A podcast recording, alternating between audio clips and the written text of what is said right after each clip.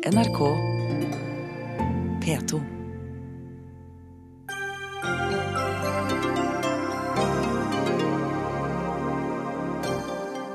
Fredsprisen til OPCW. Et klart signal til hele verden, sier Torbjørn, Torbjørn Jagland. En manøver for å unngå å gi den til Putin, sier Johan Galtung. Bevar høyblokka i regjeringskvartalet, mener Riksantikvaren i ny rapport. Riv det arkitektoniske virvaret, svarer tidligere departementsråd. Og i kveld er det VM-kvalik mot Slovenia uten Drillo. Skandaløst og grunnleggende råttent, mener Arild Rønsen, og møter Fotballforbundet til debatt.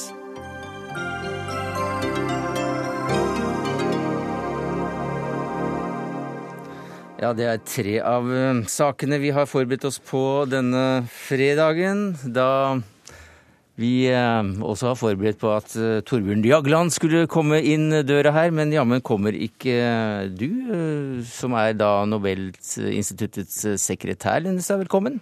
Ja takk, men Torbjørn Jagland er jo i Kjømda her, men jeg sitter her. hva er det han driver med? Han driver vel med en av sine mange intervjuer. Han har jo den mest fantastiske kondisjon. Han har blitt intervjua først i fire og en halv time, og nå begynner han på kveldsøkta, som varer diverse timer, da, med forskjellige internasjonale CNN og BBC og gud vet hva. Og er, og han kommer nok hit også. Det er BBC som da har huket fatt i en, slik at Jagland sitter i, i nabostudiet her. Ja. Der ser jeg en eh, er meldt på gratishaugen og er på bakrommet. Ja, vær så god, Jagland. Kom inn og sett deg. Det var flott du kunne komme. Det er godt at direktøren var her, da. Du, hva var BBC interessert i? De var jo interessert i bakgrunnen, ja. logikken bak denne prisen. Det var ikke noe veldig spesielle spørsmål jeg fikk, eh, bortsett fra det at de lurte på om disse inspektørene. Ja. Som jeg, jeg sa jo at de har jo, har jo fått en moralsk støtte for det viktige arbeidet og farlige arbeidet de skal gjøre i Syria. Og de lurte på om De sa de gjør jo bare en jobb. eh, Fortjener de en fredspris? Det er jo ikke akkurat de som får en fredspris, da. det er jo hele det svære maskineriet og den konvensjonen som maskineriet bygger på, som får fredsprisen. Jeg lurer på om vi skal begynne slik vi hadde tenkt, jeg, nemlig Ja. å annonsere dette innslaget med at eh, i Henrik Ibsens gate 51 i Oslo så skjedde det noe klokka 12.00. Den norske Nobelkomité har bestemt at Nobels fredspris for 2013 skal tildeles The Organization for the Prohibition of Chemical Weapons, OPCW, for dens omfattende arbeid med å avskaffe kjemiske våpen. Det sa du også klokka 11 norsk tid. Og du har vel vært innom dette før da, i løpet av dagen, som vi har hørt, Torbjørn Jagland. Men som leder av Nobelkomiteen så får du nesten gjenta det også for oss. Hva var det viktigste begrunnelsen for å gi OPCV denne prisen i år? For å fokusere på det som er en fantastisk mulighet vi har i verden i dag, nemlig at vi kan, pga. denne konvensjonen og denne organisasjonen, eh, ha mulighet for å avskaffe en hel kategori av våpen, eh, masseødeleggelsesvåpen.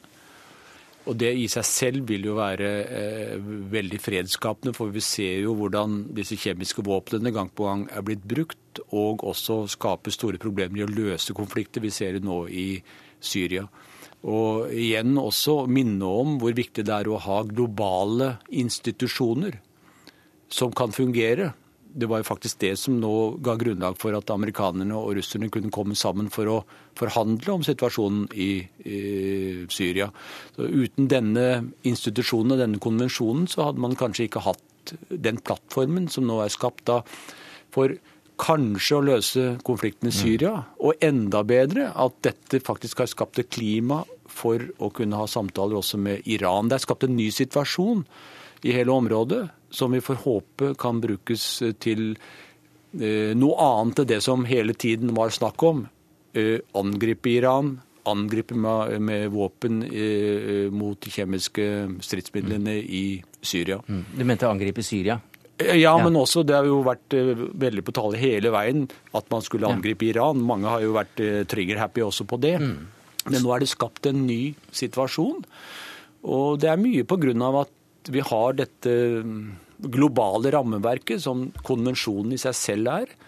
eh, som begge de to store eh, maktene i verden, Russland og USA, har, har sluttet seg til. Og at vi har den organisasjonen som kan gjøre mm. en jobb konkret på bakken. Men igjen så griper altså for så vidt uh, Nobelkomiteen inn i en pågående prosess. Og det er vel, uh, det er vel noe som er varemerket på, på, det som har skjedd de, de, siste årene akkurat når det gjelder tildelinger. Hvordan håper dere på at prisen kan virke? Ja, vi, Det er en moralsk støtte til de som skal gjøre jobben nå på bakken i Syria. Og det er en oppfordring til eh, land som ikke har sluttet seg til konvensjonen om å gjøre det. Og det er en oppfordring til de som har sluttet seg til konvensjonen. Det er bare fire om, land som står helt utenfor. Ja, ja. men så er det seks Som ikke har ratifisert, ja, ja men fire som uh, Ja, ja. Som, mm. men, eh, men så er det altså da noen land som ikke ennå har oppfylt forpliktelsene slik de er i henhold til konvensjonen. Det er jo henhold, særlig da Russland og USA. Så det er jo også en oppfordring til dem om å påskynde arbeidet med å fjerne kjemiske våpen helt fra deres egen jord. Så For fire år siden er det vel da, så ga du Obama, Obama fredsprisen, og i år så får han kjeft i, i talen du holdt til begrunnelsen. Altså, Jeg vil ikke tro han får kjeft. En eh, oppfordring til å skynde seg litt? Ja, det er en oppfordring om å skynde seg. Men det er jo både Russland og USA har gjort mye. Eh, og de har møtt store vanskeligheter. Det er miljø problemer knyttet til dette her, og lovgivning og lokal motstand og alt dette her. Så, så Det kan jo forstås, men, nei, men det, det, er viktig å få gitt et signal om at de som krever uh, at andre land skal avvikle sine kjemiske våpen, selv gjør det så hurtig som uh, mulig. Eh, tidspunktet var vel ikke tilfeldig for å gi dem eh, denne fredsprisen pga. Syria, og det la du da også vekt på, også på under pressekonferansen. Men du la vel også merke til at eh, de internasjonale mediene de var vel så opptatt av hvorfor ikke den pakistanske 16-årige jenta fikk den ja, jeg, Mer opptatt av det enn hvem som fikk den, egentlig. Ja, det er nok riktig, men uh, samtidig så er jo kommentarene til denne prisen meget positive og solide. Jeg kan forstå den situasjonen rundt uh, Malala, men vi pleier jo aldri å kommentere på de som ikke fikk prisen. Og det, jeg skulle ønske vi kunne gitt uh, prisen til mange av de som var kandidater. og når det gjelder Malala, så tror jeg at kritikken for at hun ikke fikk den, var forventet. Men jeg er overbevist om at hvis vi hadde gitt prisen, så hadde vi også fått kritikk, men da en annen karakter. Det ryktes om at dere hadde litt problemer denne gangen med å få tak, få tak i prisvinneren ved lederen. Ja, det var vel slik at øh, det var et sammenfall at eksekutivkomiteen i denne organisasjonen øh, satt i møte. Og dermed så var vel, Men dette kan jo Lundestad egentlig bedre enn meg, for ja. jeg hadde mer enn opp Eh, med nok med mediene på det tidspunktet. Mm. Dette er nok en stor mediemisforståelse. Fordi at eh, vi ringte på vanlig, eller jeg ringte på vanlig måte, da, sånn litt før halv elleve da. Og det var ikke noe, det minste problem å komme frem, men vi fikk ikke snakke med generaldirektøren selv, fordi at han satt i møte i eksekutivrådet, men jeg snakka jo med hans stabssjef.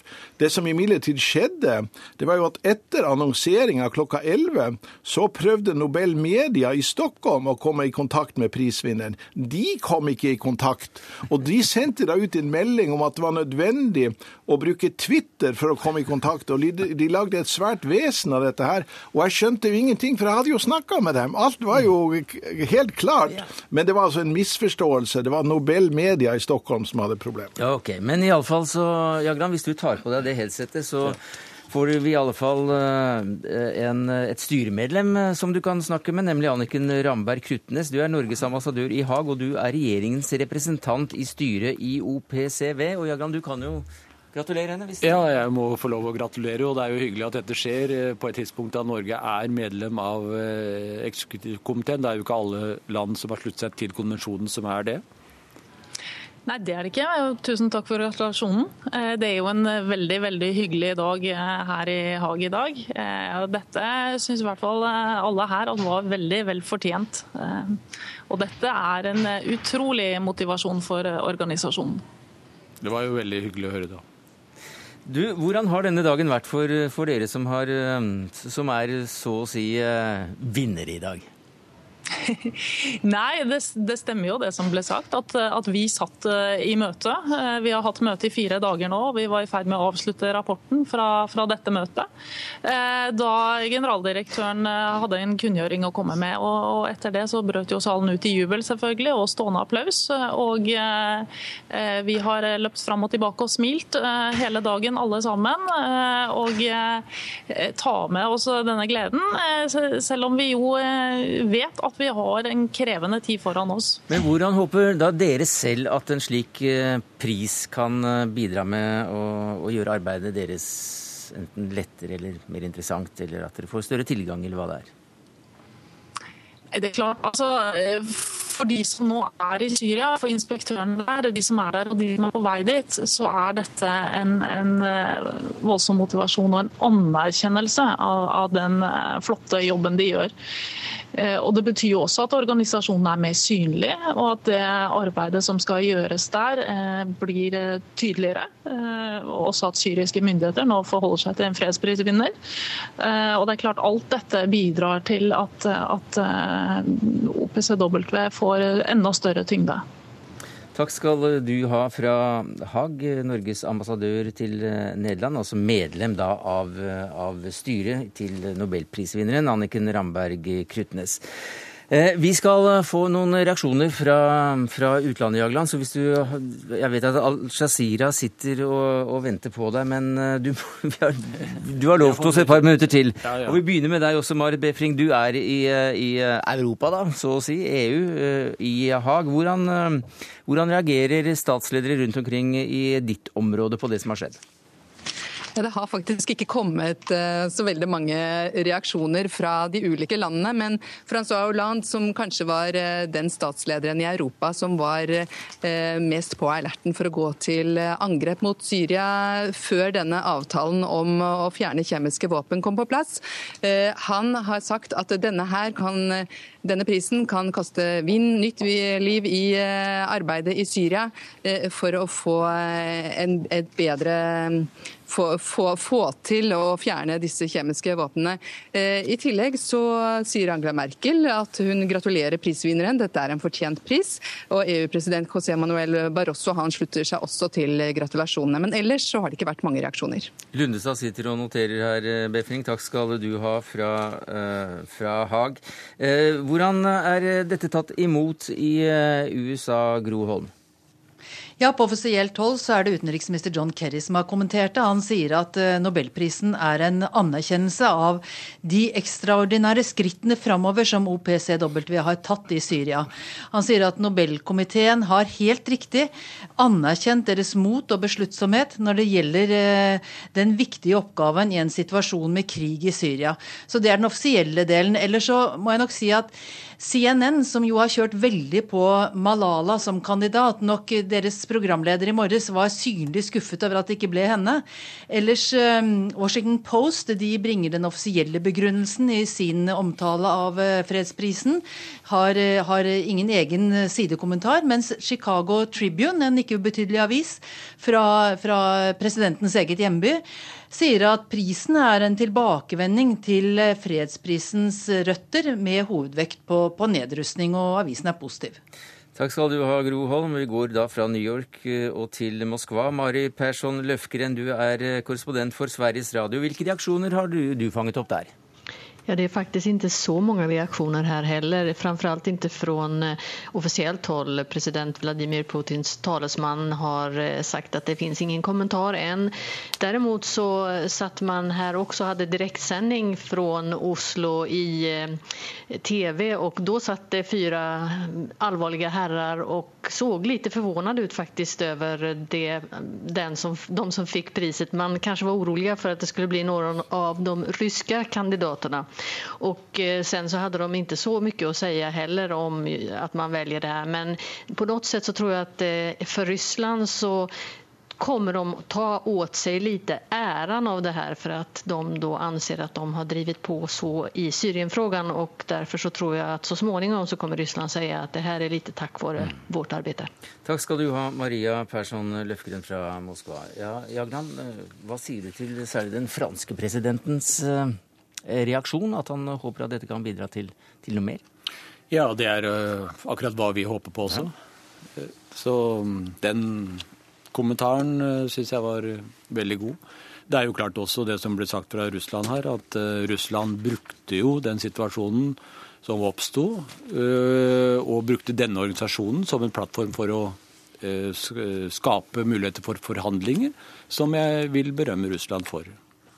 Nå uh, river og sliter de i uh, våre folk der ute for at uh, du må få permisjon og, eller bli permittert fra vår sending, Torbjørn Jagland. Tusen takk for at du kom til Dagsnytt 18. For vi skal eh, videre se litt nærmere på hva slags organisasjon dette er som har fått eh, årets eh, fredspris. Og Ida Jørgensen Tind, du er informasjonsrådgiver i FN-sambandet, og kan vel ta litt av æren du også, for her er et tett samarbeid, om ikke det er et direkte underbruk? Å oh ja, det er klart. Nei, det, det ville kanskje vært å dra det litt langt.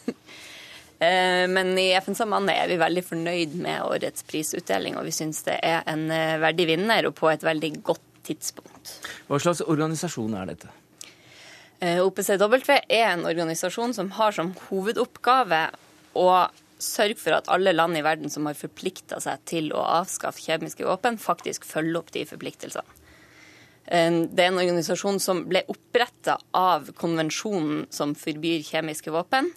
Eh, og som begynte å fungere samtidig som den konvensjonen tredje i klaff. 1997 ja. rundt omkring. Og således ikke en ren FN-organisasjon.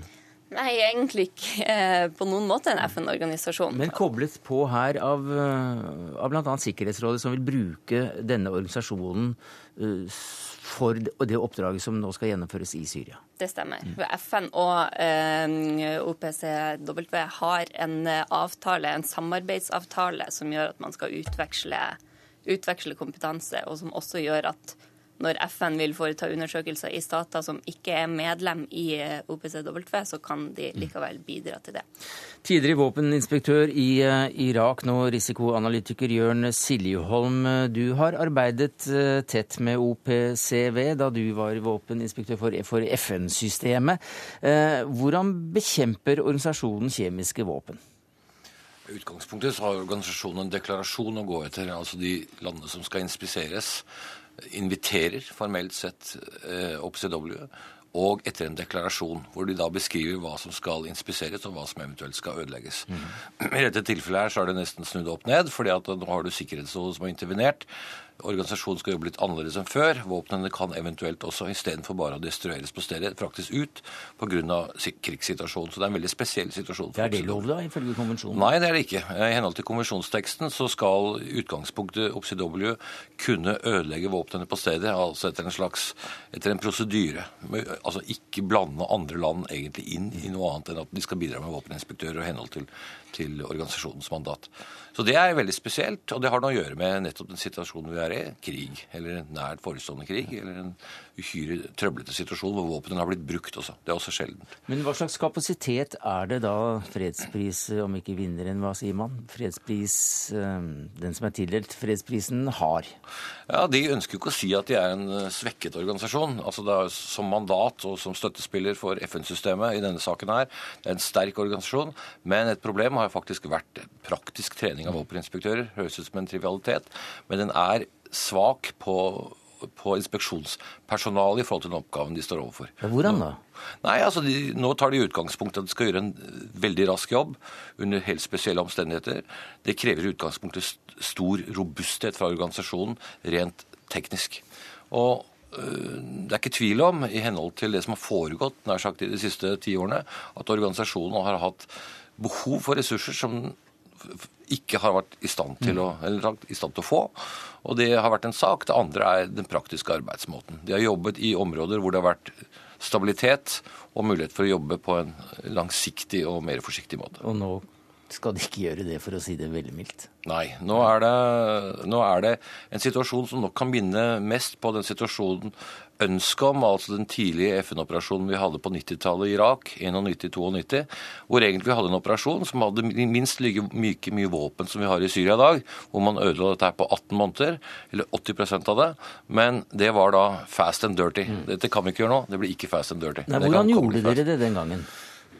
Nei, Det var jo på den mest brutale måten. På den ene siden så hadde du da hatt en krig i forkant, så veldig mye materiale var ødelagt. Det andre var jo også sånn sett, og det er veldig viktig i den situasjonen vi har nå, i diskusjon med Norge og andre, det er hva slags, hva slags hva slags robusthet har eksisterende våpen? Er de nær sagt teknisk gode våpen, eller er det noe annet? Og Det vi gjorde den gangen, var simpelthen å ta utgangspunkt i fryktelig mye våpen som var delvis ødelagt, men også en del som var i, i rimelig stand. Og man, En typisk operasjon var å grave et svært høl, legge noen bomber oppi der, bruke diesel og tenne på. Det skjer ikke i Syria. Men eh, er det, dette da en organisasjon som, som, er i stand til å vareta sine forpliktelser eh, etter avtalen? Ja, Et stort dilemma vil jo nettopp være hvordan man løser Syria-konflikten. En, en, en, nærliggende sak her i forhold til perspektivet ja. som også Jagland kom med, det er jo at vi har tilgrensende land. Vi har Egypt, vi har Israel, vi har Vel, vi har Nord-Korea. Egypt er et av de fire landene som overhodet ikke er med i det hele tatt? Ja, det er veldig problematisk. De har verken signert eller ratifisert avtalen. Og det er et stort spørsmålstegn hva slags type mm. våpenprogram de har. Og vi vet at det er grunn til å tro at det er omtrent de samme våpenkategoriene, også binære våpen, som har potensial til å drepe i et forferdelig omfang. Men her er det altså da snakk om å gå inn og finne våpen og destruere våpen. Og til nå, da, så etter at denne konvensjonen trådte i kraft, så hvor mange prosent av kjemiske våpen i verden er det noe som nå er destruert? Ja, Organisasjonen sjøl sier jo at 80% av de kjemiske våpnene er destruert. Um, det er ikke så verst. Det er ikke så verst. Det er bare fire land igjen uh, i verden av de som er medlem i organisasjonen, uh, som fortsatt har kjemiske våpen. Ehm, så det er ikke tvil om at organisasjonen har oppnådd veldig mye eh, i løpet av de 16 årene den har eksistert. Takk skal du ha, Ida Jørgensen Tind, informasjonsrådgiver i FN-sambandet, og til deg, Jørn Siljeholm, tidligere våpeninspektør, nå risikoanalytiker. Det er eh, altså da en eh, situasjon som er er veldig aktuell, eh, i og med at eh, Norge jo er blitt spurt om eh, vi kan bidra, og hva er det snakk om eventuelt at vi kan bidra med, utenriksminister Espen Barth Eide. For i dag så har det kommet meldinger som er referert til av store mediehus i Norge, at, at Norge skal bidra. Ja, Det har ikke vært tatt noen beslutning overhodet, så dette er bare en misforståelse som oppsto i NTB. Men, men, det som er riktig, er at eh, vi eh, har over noe tid nå eh, gjort en god del arbeid for å finne ut hvilke ressurser Norge har, og hvordan vi eventuelt kan bidra. Det gjør også andre land.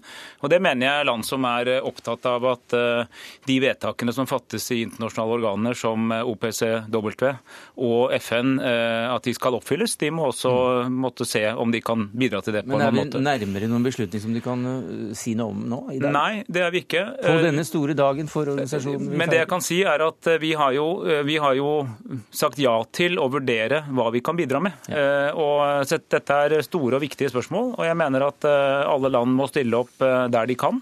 Og Derfor har vi satt i gang et arbeid som, mm. som har svart på noen spørsmål og så stilt noen nye spørsmål, og det arbeider vi med. Men jeg har lyst til å si at det viktige i dag er jo for det første å gratulere OPCW med prisen. Det var det vi skulle ta fram til nå. Men, men også å understreke det at slik jeg forstår komiteen, og komiteen har vært veldig tydelig på det, og det er noe jeg må si er veldig riktig og bra. Det er jo, dette er jo ikke en pris som er knyttet til Syria som sådan, men det er knyttet til at dette er en organisasjon som er kanskje en av de mest vellykkede eksemplene på at forpliktende forpliktende internasjonalt samarbeid faktisk virker.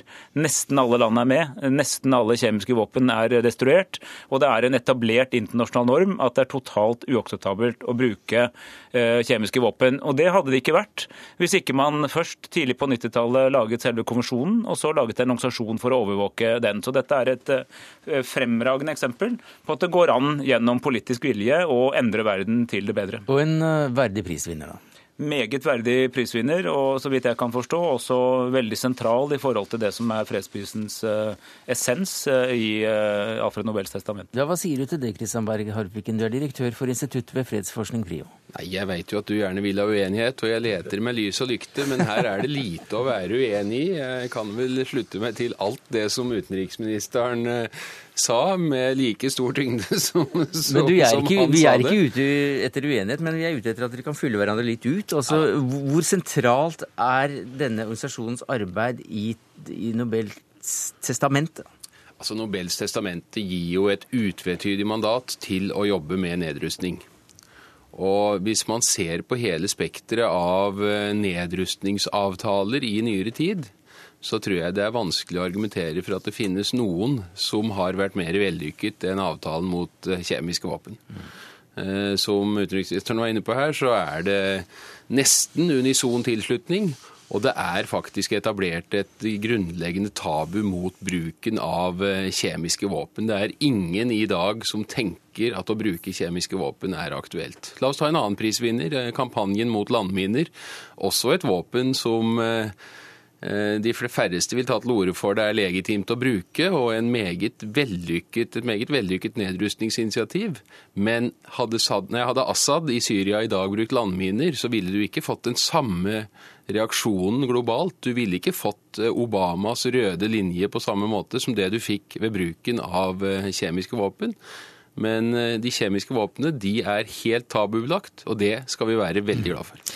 Eh, Espen Barth Eide, vi hørte at eh, både eh, lederen for komiteen og også da den franske presidenten si at dette håper man kan peke videre mot noe mer, at dette vil få ringvirkninger. Altså, det snakkes vel også om at det kan få noe å si for fremtidige fredsforhandlinger, Genéve 2 eventuelt. Hva håper du på? Ja, altså, jeg minner om at for under to måneder siden eh, så var det jo en isfront mellom eh, stormaktene i Sikkerhetsrådet, og vi var på randen av en meget alvorlig eh, internasjonal eh, krise.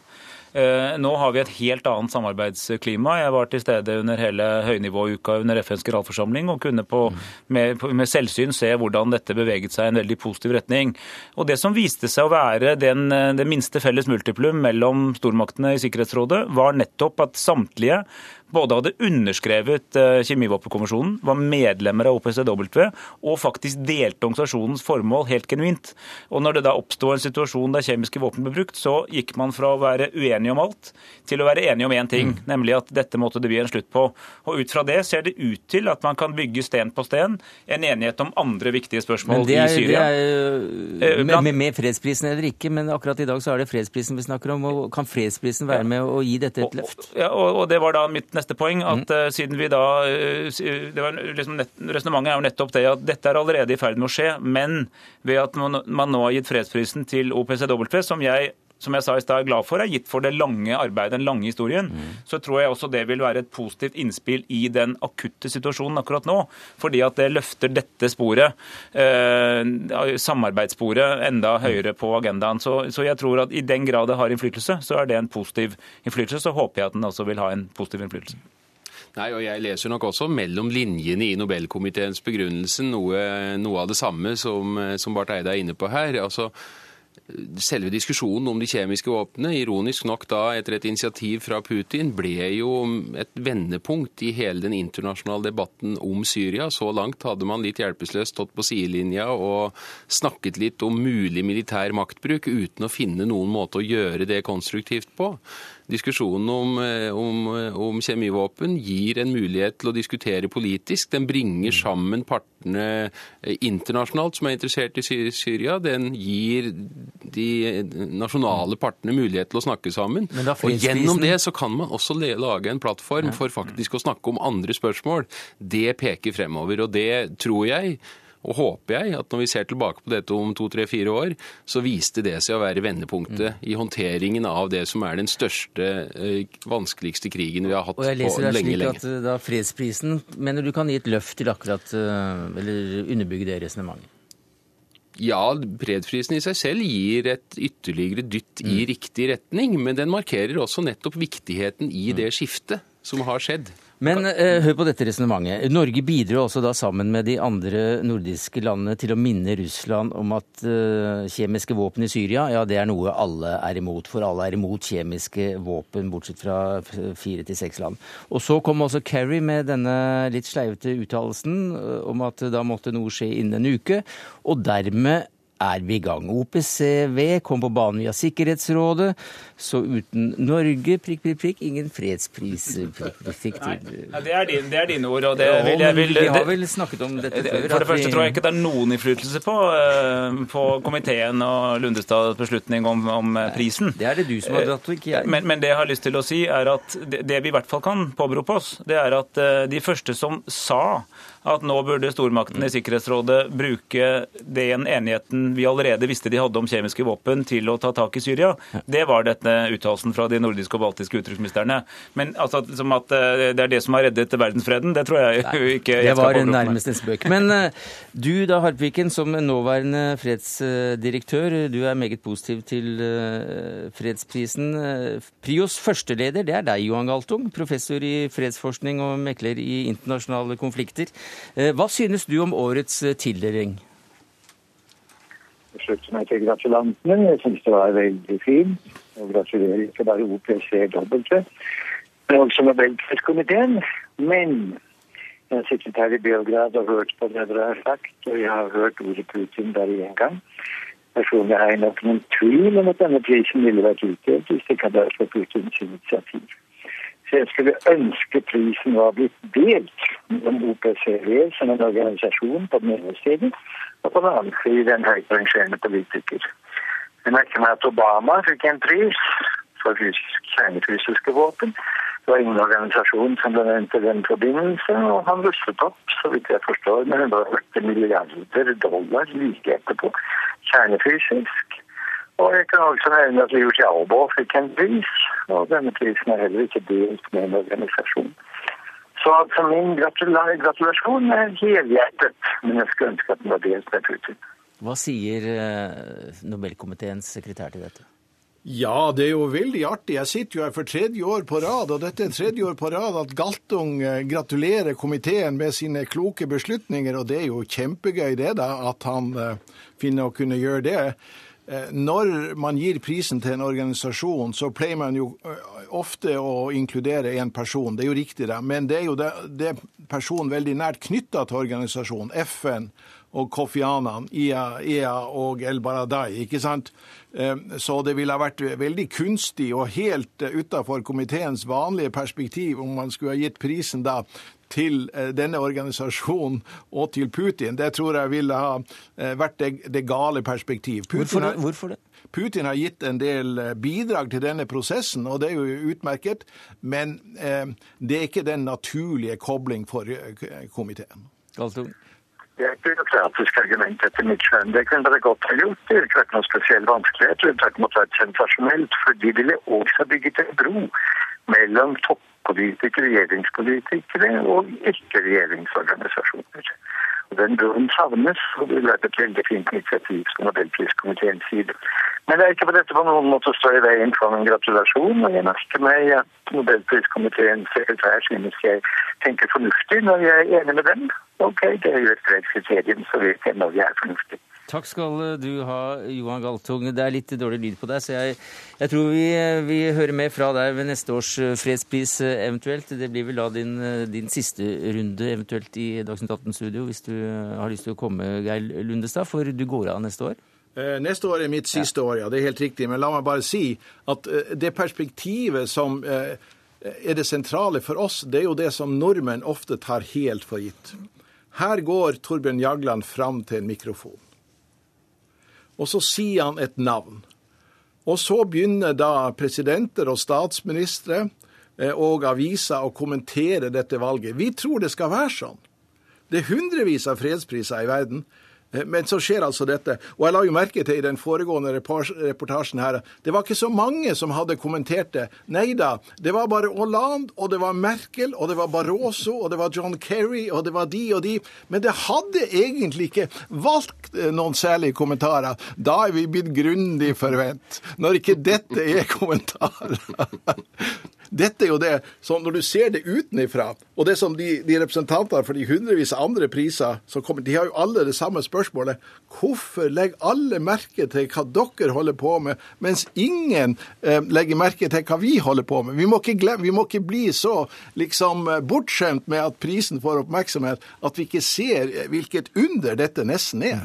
Nei, for Vi hører jo stadig at dette er ikke bare verdens viktigste fredspris, men det er kanskje verdens viktigste, viktigste pris. Jeg vet ikke om det var du som nevnte det i, i morges, Harpiken? Jo, jeg har nok nevnt det, og det er ikke noe vanskelig å finne kilder på det. Slår du opp i Oxford Dictionary f.eks., så er den helt tydelig på det. Og jeg tror faktisk det er eh, riktig, eh, det som Lundestad sier her om hva slags oppmerksomhet denne prisen vekker. I et år da de fleste av oss eh, litt plassert synes at ja, det var sånn lunkent det sier vel ganske mye om prisens status. Og jeg tror ikke det er noen priser jeg kan tenke på som kan måle seg med det. Nei, for i år så ble den altså gitt til altså en organisasjon som, som da de fleste sier seg enig i at jammen fortjener den. Men de fleste ble også da, om de fleste, i hvert fall så var reaksjonene som vi snakket med Jagland om, sterkest på hvem som ikke fikk den, nemlig denne 16-åringen fra, fra, Pakistan? Det skal være sånn av og til. Vi, eh, vi, eh, det må ikke bli sånn at prisen bare skal gå til de kjempestore navnene. Eh, av og til må man løfte opp de som ikke er så velkjent, eh, og som gjør en kjempegod innsats. Det har jo vært anledninger Eh, når prisen har vært proklamert, det har jo jeg opplevd da, der ikke en eneste journalist, ikke én tilsynelatende, ante hvem det var, disse prisvinnerne. Jeg husker prisen i 1995 til Råtblatt og Pugwash. Husker prisen til Junus og Grameen Bank. Det, det var, folk var, Journalistene var fullstendig villrede. Og da koser du deg? Nei, ikke nødvendigvis. Men det må aldri bli sånn at ikke vi kan gi sånne priser Eh, fordi at det, der er noen som jobber i det stille, og som har gjort en kjempeinnsats, og som skal løftes frem. Eh, det, er en fare med at vi eh, har gitt prisen til alle disse store og berømte navn, at det skaper en forventning om at det bare skal være sånne navn, og det skal det ikke. Jeg, jeg må si at jeg er veldig enig i det Lundestad sier her. fordi at det vi kan kalle verdens fred, eller en bedre organisert verden, det blir ikke først og fremst til gjennom eh, et stort smell. Eh, det blir til gjennom at man bygger sten for sten et stadig bedre organisert internasjonalt samfunn. Og Det er altså at vi vedtar eh, sammen hva som er lov og hva som ikke er lov, og at vi bygger institusjoner som følger med på det på våre alles vegne. Og Dette er et sjelden godt eksempel på en norm som altså overhodet ikke eksisterte før den ble laget. Da var det jo mange land som laget kjemiske våpen i stor skala. og så ble man man enige om å slutte med det og ødelegge de som var, og hindre at nye fikk dem. Og det har vi i all hovedsak lykkes med. Og det er altså takket være langsiktig diplomatisk arbeid. Først diplomater som forhandler fram kommisjonen, og så de som bygger organisasjonen et par år etterpå. Det skal vi være glad for. Og derfor er det viktig, akkurat som Lundestad sier, at de av og til også trekkes fram. Mm. Harpviken, eh, du gir jo ut eh, så å si en, en alternativ liste år om eh, annet. Var, var, denne organisasjonen høyt på din liste i år? Nei, denne, liste, denne, organisasjonen var ikke på min liste i det hele tatt. Jeg, kjente selvfølgelig til de og det arbeidet de gjorde, men jeg vurderte det nok sånn at dette var ikke en organisasjon som hadde satt merker etter seg på et tidspunkt i komiteens arbeidsår den, som ville gjøre at den var særlig aktuell. Der tok jeg altså feil. Eh, og jeg tror nok at eh, en eh, viktig faktor som fikk vekten til å tippe i dens favør, var nettopp det arbeidet som gjøres i Syria. Men jeg legger merke til at komiteen prinsipielt legger vekt på de lange linjene og den møysommelige, arbeidet som konvensjonen og organisasjonen har stått for, og det gjør de av veldig gode grunner. Men jeg er jo heller ikke i tvil om samtidig at komiteen er opptatt av å tale til trender i tiden og å støtte opp om viktig arbeid og bruke prisens tyngde for å bringe verden framover. Og da tror jeg nok at det har vært en viss musikalitet for at eh, denne organisasjonen nå står opp i det som på mange måter er en lakmustest med de nye oppgavene i Syria. Men eh, vi hørte altså at det har kommet en god del reaksjoner, og på pressekonferansen eller eh, da det ble offentliggjort, så, så var jo Reuter den første internasjonale mediehuset som, som, fikk stille spørsmål. Og de stilte jo da nettopp spørsmålet om hvorfor eh, den 16 år gamle jenta ikke fikk den. Og Jagland sa da at eh, de konsekvent aldri eh, sier noe om de som ikke fikk. Men hvorfor fikk hun den ikke, Harpviken? Du, Jeg har heller ikke sittet ved det møtebordet, så jeg vet vel ikke noe om det som du ikke vet. Men Eh, jeg kan se mange gode grunner til det. Eh, jeg syns hun var en strålende kandidat, og jeg syns hun står for eh, eh, spørsmål som en nobelpris burde løfte fram. Ikke minst betydningen av utdanning, lik, utdanning, lik adgang til utdanning for alle. Adgang til solid, kvalitetsmessig utdanning som, som vektlegger toleranse, fredelige måter å mm. løse konflikter på. Det er absolutt på tide at det løftes fram med nobelpris. Men når det er sagt, så ser jeg også at man kunne ha betydelige reservasjoner ved Malalas eh, kandidatur. Ikke minst så vil jeg tro at eh, Nobelkomiteen har diskutert meget eh, grundig det som går på å tildele prisen til en 16 år gammel jente. Ja, var det et argument i, i drøftelsene? Vel, det er jo som Torbjørn Jagland sa, at vi fremheve det positive med prisvinneren, eh, og så går vi ikke ut og kommenterer de andre kandidatene. Ja, kan si på generelt grunnlag, og I år var det jo 259 kandidater, så vi hadde masse kandidater. Men det sier seg jo sjøl at når du har en 16 år gammel jente til vurdering, så er det at hun er 16 år, det er et aspekt som diskuteres. Det sier seg sjøl.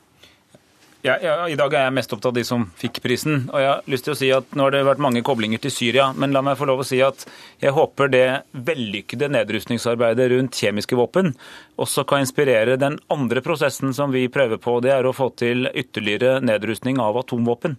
Eh, for der har vi jo vi i år eh, har Norge hatt en stor konferanse om humanitære aspekter ved atomvåpenbruk. Eh, og hvor konklusjonen var at selv om det er mindre sannsynlig at atomvåpen brukes i stor skala, så er det mer sannsynlig at noen atomvåpen vil bli brukt enn noen gang tidligere.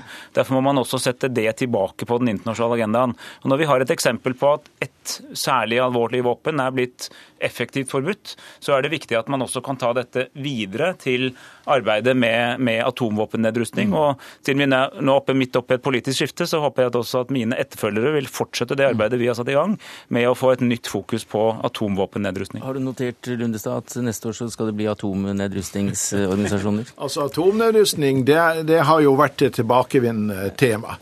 Eh, vi kan jo ramse opp veldig mange. Jeg tror vi begynte med Philip Noel Baker i 58-59. Linus Pauling tidlig på 60-tallet. Eh, Alva Myrdal, Leger mot atomkrig.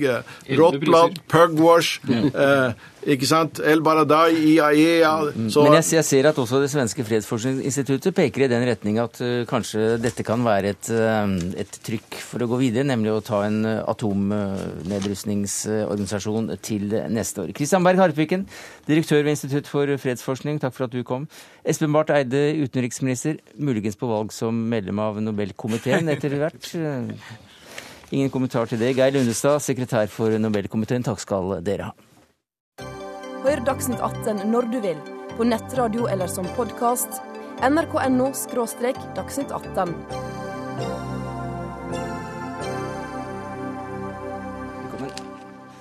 Så til den eh, mye omtalte høyblokka i regjeringskvartalet. Debatten har gått høyt etter 22.07 om hvorvidt den bør rives eller beholdes, også her hos oss i Dagsnytt 18. Fornyingsdepartementet bestilte som kjent en rapport som konkluderte med rivning. Miljøverndepartementet bestilte av Riksantikvaren en, en, rapport, og den kom i dag. Og Jørn Holme, du er riksantikvar. I dagens rapport så konkluderer dere med at Høyblokka bør bevares. Hvorfor det? Ja, først må jeg si at bare en måned før det fatale angrepet, så var alle i regjeringsapparatet, Deprodder og Statsbygg og vi enige om at uh, Høyblokka og Y-blokka skulle fredes. Av, en måned før. Bare en måned før. Uh, og så er det sånn da at etter angrepet så er ikke bygningene vesentlig skadet. Det er stort sett fasadeskader, spesielt på Høyblokka. Og så har vi også faktisk kommet til at uh, spesielt når det gjelder Høyblokka, så er den faktisk viktigere enn noen gang. Altså dens verneverdi har økt ytterligere til nesten det øverste som er mulig, og gjennom den symbolvirkningen at den faktisk ble stående. Angrepsmannen, terroristen, klarte ikke verket sitt. Så, så Høyblokka er viktig for oss, og ikke minst fra utlandets side. Så, så jeg har fått veldig mange henvendelser at er det helt tatt mulig at noen tenker på å rive dette bygget. Men det er det. og Blant annet uh, sier du det, Anne Kari Lande Hasle. Og du er uh, tidligere departementsråd. Du har jobbet i regjeringskvartalet siden 1972, altså over, over 40 år. Og du skriver at det er svært gode grunner til å rive, rive Høyblokka. Hvilke? Jo, for meg så handler jo det om å bruke den muligheten som ligger i å skape et uh, godt regjeringskvartal Dette er jo en av landets viktigste arbeidsplasser. Bygget har vært uhensiktsmessig, både det og Y-blokka og S-blokka og eh, de andre. Så her er det en mulighet som jeg mener at vi må gripe. For meg så kan det godt være at man kan finne løsninger hvor hele eller deler av høyblokka er. Det er ikke det viktigste. Det viktigste er at det ikke må være til hinder for å finne gode fremtidsrettede løsninger med arbeidsplasser til bruk med ny teknologi som gir plass til alle departementene. Nei, for Du skriver i Aftenposten at det er stygt, jeg vet ikke om du brukte ordet ubehagelig, men i hvert fall uoversiktlig. Jo, jeg bruker også ubehagelig, men Jaha. det er knyttet til kjeller og eh, hele kjellersystemet, som er så viktig kommunikasjonskanal mellom eh, byggene. Men eh, i Når du eh, Hvordan skal jeg se det på en klok måte, da? Når du i år etter år skal ta imot nye politikere, du skal flytte på departementsavdelinger, du skal gjøre noe. Det er hindre overalt. Og det er svære prosjekter bare for å prøve å finne nye løsninger. Når man har blitt inspirert av å se på bygg i Berlin og andre steder, så er det klart at her har vi en mulighet aldri jeg, har, jeg, er litt overrasket over det du sier når det gjelder eh, at alle var enige om å bevare uh, Høyblokka og Y-blokka. Jeg forsto det den gangen på de møtene jeg var med på, at det var elementer i. Og du understreker jo veldig klart at det skal være endringsmuligheter. Og hadde noen sagt til meg den gangen når jeg var departementsråd, at uh, her skal vi frede blokka, så tror jeg nok at jeg hadde fått full tenning. For det er jeg veldig var på. Ja, Det er ikke snakk om å frede eh, disse to bygningene innvendig. De er monumentale. og Det som er liksom viktig å tenke på, er at eh, Høyblokka den er etter modell av FN-bygningen i New York. Y-blokka er etter modell av Unescos hovedkvarter i Paris. Og det er liksom skiven og kaka som på sett og vis eh, er sammen. Og... Men du vil også bevare bygningene ja, slik de faktisk står eh, nå? Ja, jeg kommer, jeg kommer, litt tilbake til det. Men sånn, tenk på sånn at Norge som fredsnasjon, så har vi faktisk valgt det ypperste av modeller i forhold til FN-bygninger. Og så er det det fremragende. Disse to eh, bygningene, spesielt Høyblokka, er jo skolen for modernismen i Norge. Men jeg skal gi Lande Hasle et poeng. Og Der er vi faktisk enige. Innvendig så vil vi faktisk gi full frihet, som gjør at disse eh, bygningene får de mest moderne fasiliteter. Eh, og Det er også i rapporten, med også mange bilder. Men, men du, du, hører nå også da at eh, Anne Kari Lande Hasle sier at hvis det var riktig at, som, som du påstår, at bare en måned før ja, så hadde man gått inn for for å frede, ja, så hadde, så hadde departementsråden sagt ganske kraftig ifra. Og det gjorde hun ikke, sånn at dere har vel to ulike oppfatninger av hva som skjedde ja, der? da? Det har vi nok, fordi jeg har vært på møte med alle departementsrådene og regjeringsråden bare eh, på si noen uker før, og da var alle enige om at, at disse skulle vernes i klasse 1. Det betyr fredning, men en del endringer innvendig. Det vi nå sier, er at faktisk vi er ikke opptatt av noe innvendig utenom kunsten, og, og, og spesielt noen trappeløp. Så eh, ja, vi kan vise at dette kan bli moderne bygninger. Det som er viktig Altså, vi, vi bare kan ta ut den smule uenigheten ja. om det. Er, det, er, du nå, er du nå enige? For å være helt ærlig, nei. Men er, jeg ser ikke bort fra at jeg har oppfattet det feil den gangen. Men vi har jo akkurat vært gjennom uh, også omfattende fredning når det gjelder sykehus.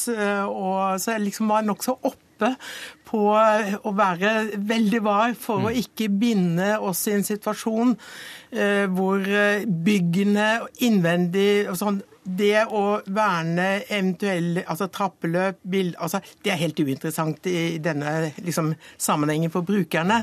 Men hvis det betyr at man ikke kunne skape noe nytt, ikke få plass til alle departementene fordi den binder så mister vi den muligheten til men, å skape et eh, moderne regjeringskvartal. Men da tror jeg egentlig vi er enige, fordi at utredningen sier at det er ikke nødvendig å rive Høyblakka og Y-blakka for å få plass til et nytt regjeringskvartal. Det kommer på baksiden. Og det er ikke heller sikkert at dette behøver å bli departementskontorer. Det kan bli kontorer for Politidirektoratet, som må ha, må ha nytt, uh, nytt bygg. Det, det, er viktig å understreke. Og vi har faktisk påvist nå i rapporten at vi får bygg opp i klasse B, nest, det høyeste energiklassen i Norge. Mm.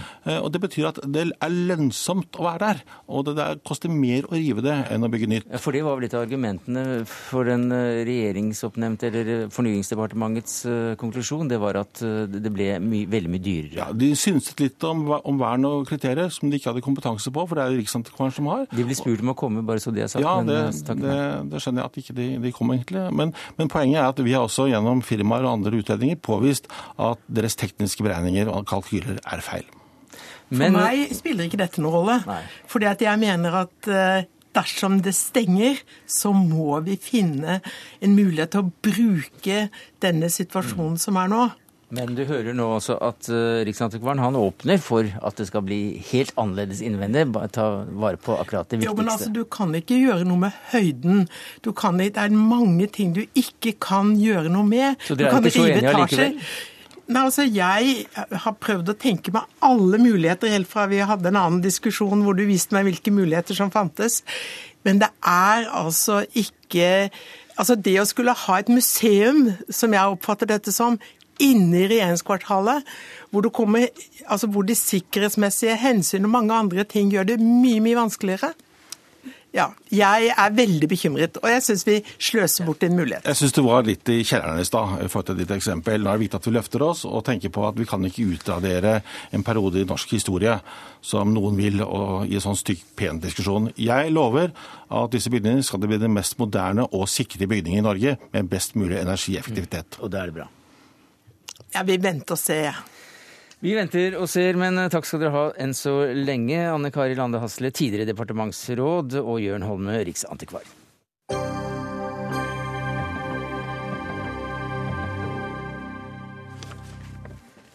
Før kveldens kamp mot Slovenia har eh, Norge fortsatt et eh, lite håp om å kvalifisere seg til fotball-VM i Brasil.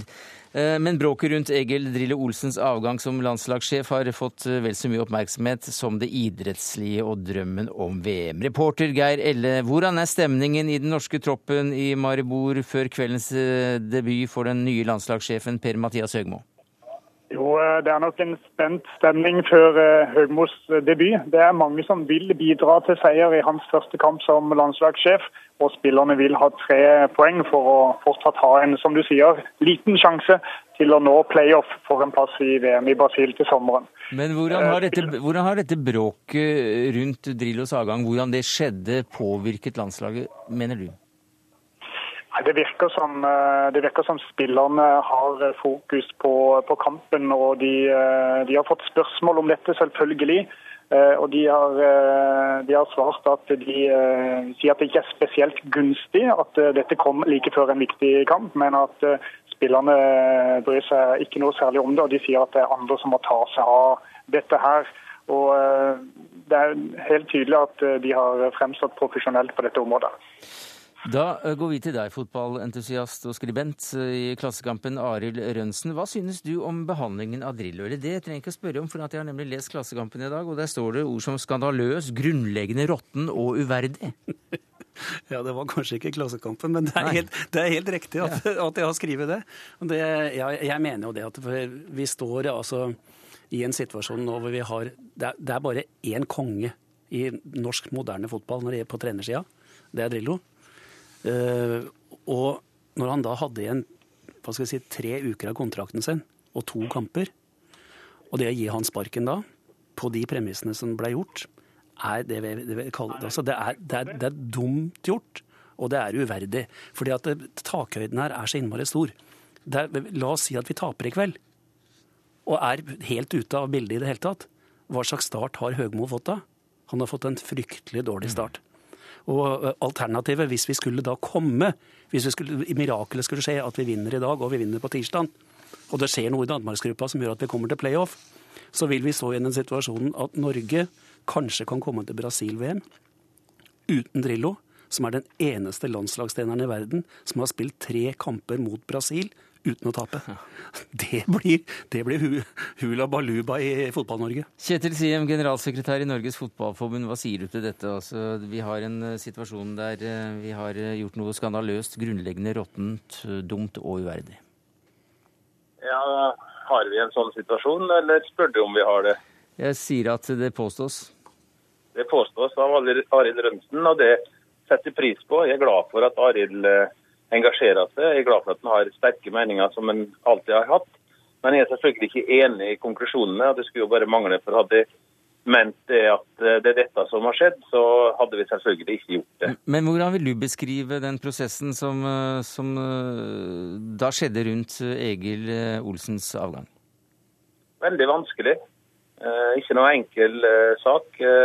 Vi må ikke glemme oppi diskusjonen hvorfor var det et ønske om et skifte. Vi må, vi må i vårt sterke, alle sterkes behov for å bevare Egils verdighet og sette pris på hans historie og fantastiske betydning for norsk fotball, så må vi òg tenke på hva var det som var grunnen til at temaet kom opp. Og, og det er utgangspunktet. Ville det kunne øke sjansen for å få bedre resultater, bedre start på neste kvalik med et skifte nå? Etter den samtalen eh, med han hvor eh, dette ble lagt fram. Jeg, jeg skjønner at dette er ikke noe enkel sak å se utenfra eller innenfra, at, eh, at, det er gitt hva som er riktig og galt. Men at vi gjorde det som vi mente var best for norsk fotball, det er det ikke tvil om. Det som er Problemet nå, Kjetil, det er jo at dette har blitt en, et spørsmål om prosessen. jeg tror at landslagsspillerne i kveld de tror jeg har dette langt Dette berører ikke kampen i dag i det hele tatt, heldigvis. Men det er blitt et spørsmål om prosessen. Og jeg skal ikke gå inn på hva styret har gjort i forhold til Eller hva du og, og Yngve Alén har gjort i forhold til hva styret har bestemt, for det vet du mye bedre enn meg. Men det er blitt sånn nå at du eh, blir intervjua på TV-en i dag. Og så sier du at nei, jeg har aldri gitt Drillo sparken. Men, legger du til, jeg skjønner at Drillo kan ha forstått det sånn at han fikk sparken. Og da har man kommet på det som på fotballspråket heter eh, komme på halvdistanse. Og der veit jeg at der liker ikke du å være. Det er jeg helt sikker på. Så jeg er forsiktig med å le av, av, av, av, sånne ting i og med at det er såpass alvorlig det, det vi snakker om. Men uavhengig av, det du sier, Arild, så, så, er det et ansvar et styre og en ledelse har i forhold til å prøve å utvide lederskap og gjøre det du mener er riktig på, på vegne av en merkevare og et produkt som ikke hadde en god utvikling. Men Du sier på vegne av styremenn, flere styremedlemmer i Norges Fotballforbund har overfor NRK sagt at eh, de er forundret over det som eh, skjedde? Ja, Disse anonyme kildene til NRK den må jeg få lov å stille meg veldig tvilende til. For styret er jo faktisk her med mesteparten av, av medlemmene, og de kommer en og en til presidenten og uttrykker forundring og sjokk over måten NRK formidla fem styremedlemmers sitt syn på. Det må enten komme frem med kildene, eller så må man slutte å henvise til anonyme kilder i et styre. En... Men i går, i går, så sendte jo da Hallén selv ut en pressemelding hvor han bl.a. skriver vi vil beklage den situasjonen som har oppstått i ettertid. Du, har, du, har, du, har, du, noe å beklage? Ja, ja altså, Vi kan alle beklage at det er tungt for både Arild og andre å akseptere at det har skjedd et skifte. Og, og det er ikke noe god timing i forhold til Eh, historien til Egil. Men dere beklager ikke den måten dere håndterte dette på? Vanskelig spørsmål igjen. Det er klart at det er nyanser i måten dette er gjort på. og Det spørs hva du skal ta hensyn til først. Er det det som vi og styret mener er best for norsk fotball, eller er det det som er best for Egil? er en kombinasjon av flere mm. ting. Og Den samtalen som vi hadde med Egil, var da det som ble avgjørende i, i den saken. Men jeg er ikke der at jeg tror at dette er et, et enkelt svart-hvitt uh, spørsmål å svare på. Vi ser at det er komplisert. Rensen, ganske fort. Ja, nå er det jo ikke sånn at jeg beklager at det ble et skifte. Da. Jeg beklager at det ble et skifte på den måten det gjorde. For at man kunne ha venta her i, i, i hvert fall tre uker så kunne ting ha blitt gjort på en helt annen måte. Eh, og, og, når du snakker om hva som er best for norsk fotball er helt, jeg, jeg, er ikke i tvil om at, at dere har ønska å gjøre det beste for norsk fotball, men det er det jo ingen som veit. For det som jeg sa i stad, hvis det er sånn at vi taper nå i kveld, så er det ikke sikkert at dette har vært bra for norsk fotball i det hele tatt. Gjør vi det, Geir Hell Elle? Du skal følge kampen? Ja, jeg har tro på at det blir seier i kveld. Jeg Ut ifra det som er blitt gjort på trening og engasjement og entusiasmen rundt Høgmo som ny sjef, så jeg har en god følelse på at det kommer til å bli seier. Men man skal vite at Slovenia er i en medgangsbølge og kan bite fast seg. Så det blir spennende, ja. Og vi har da eventuelt også en bitte, bitte liten mulighet til å nå sluttspillet i nettopp Brasil, et land som eh, Drillo aldri har tapt for. Takk skal du ha uh, i Slovenia. Eh, Geir Elle, Kjetil Siem, generalsekretær i Norges Fotballforbund, og Arild Rønsen. Det var det vi rakk i Dagsnytt 18. Landskampen kan du høre på NRK P1 fra klokka 20.34.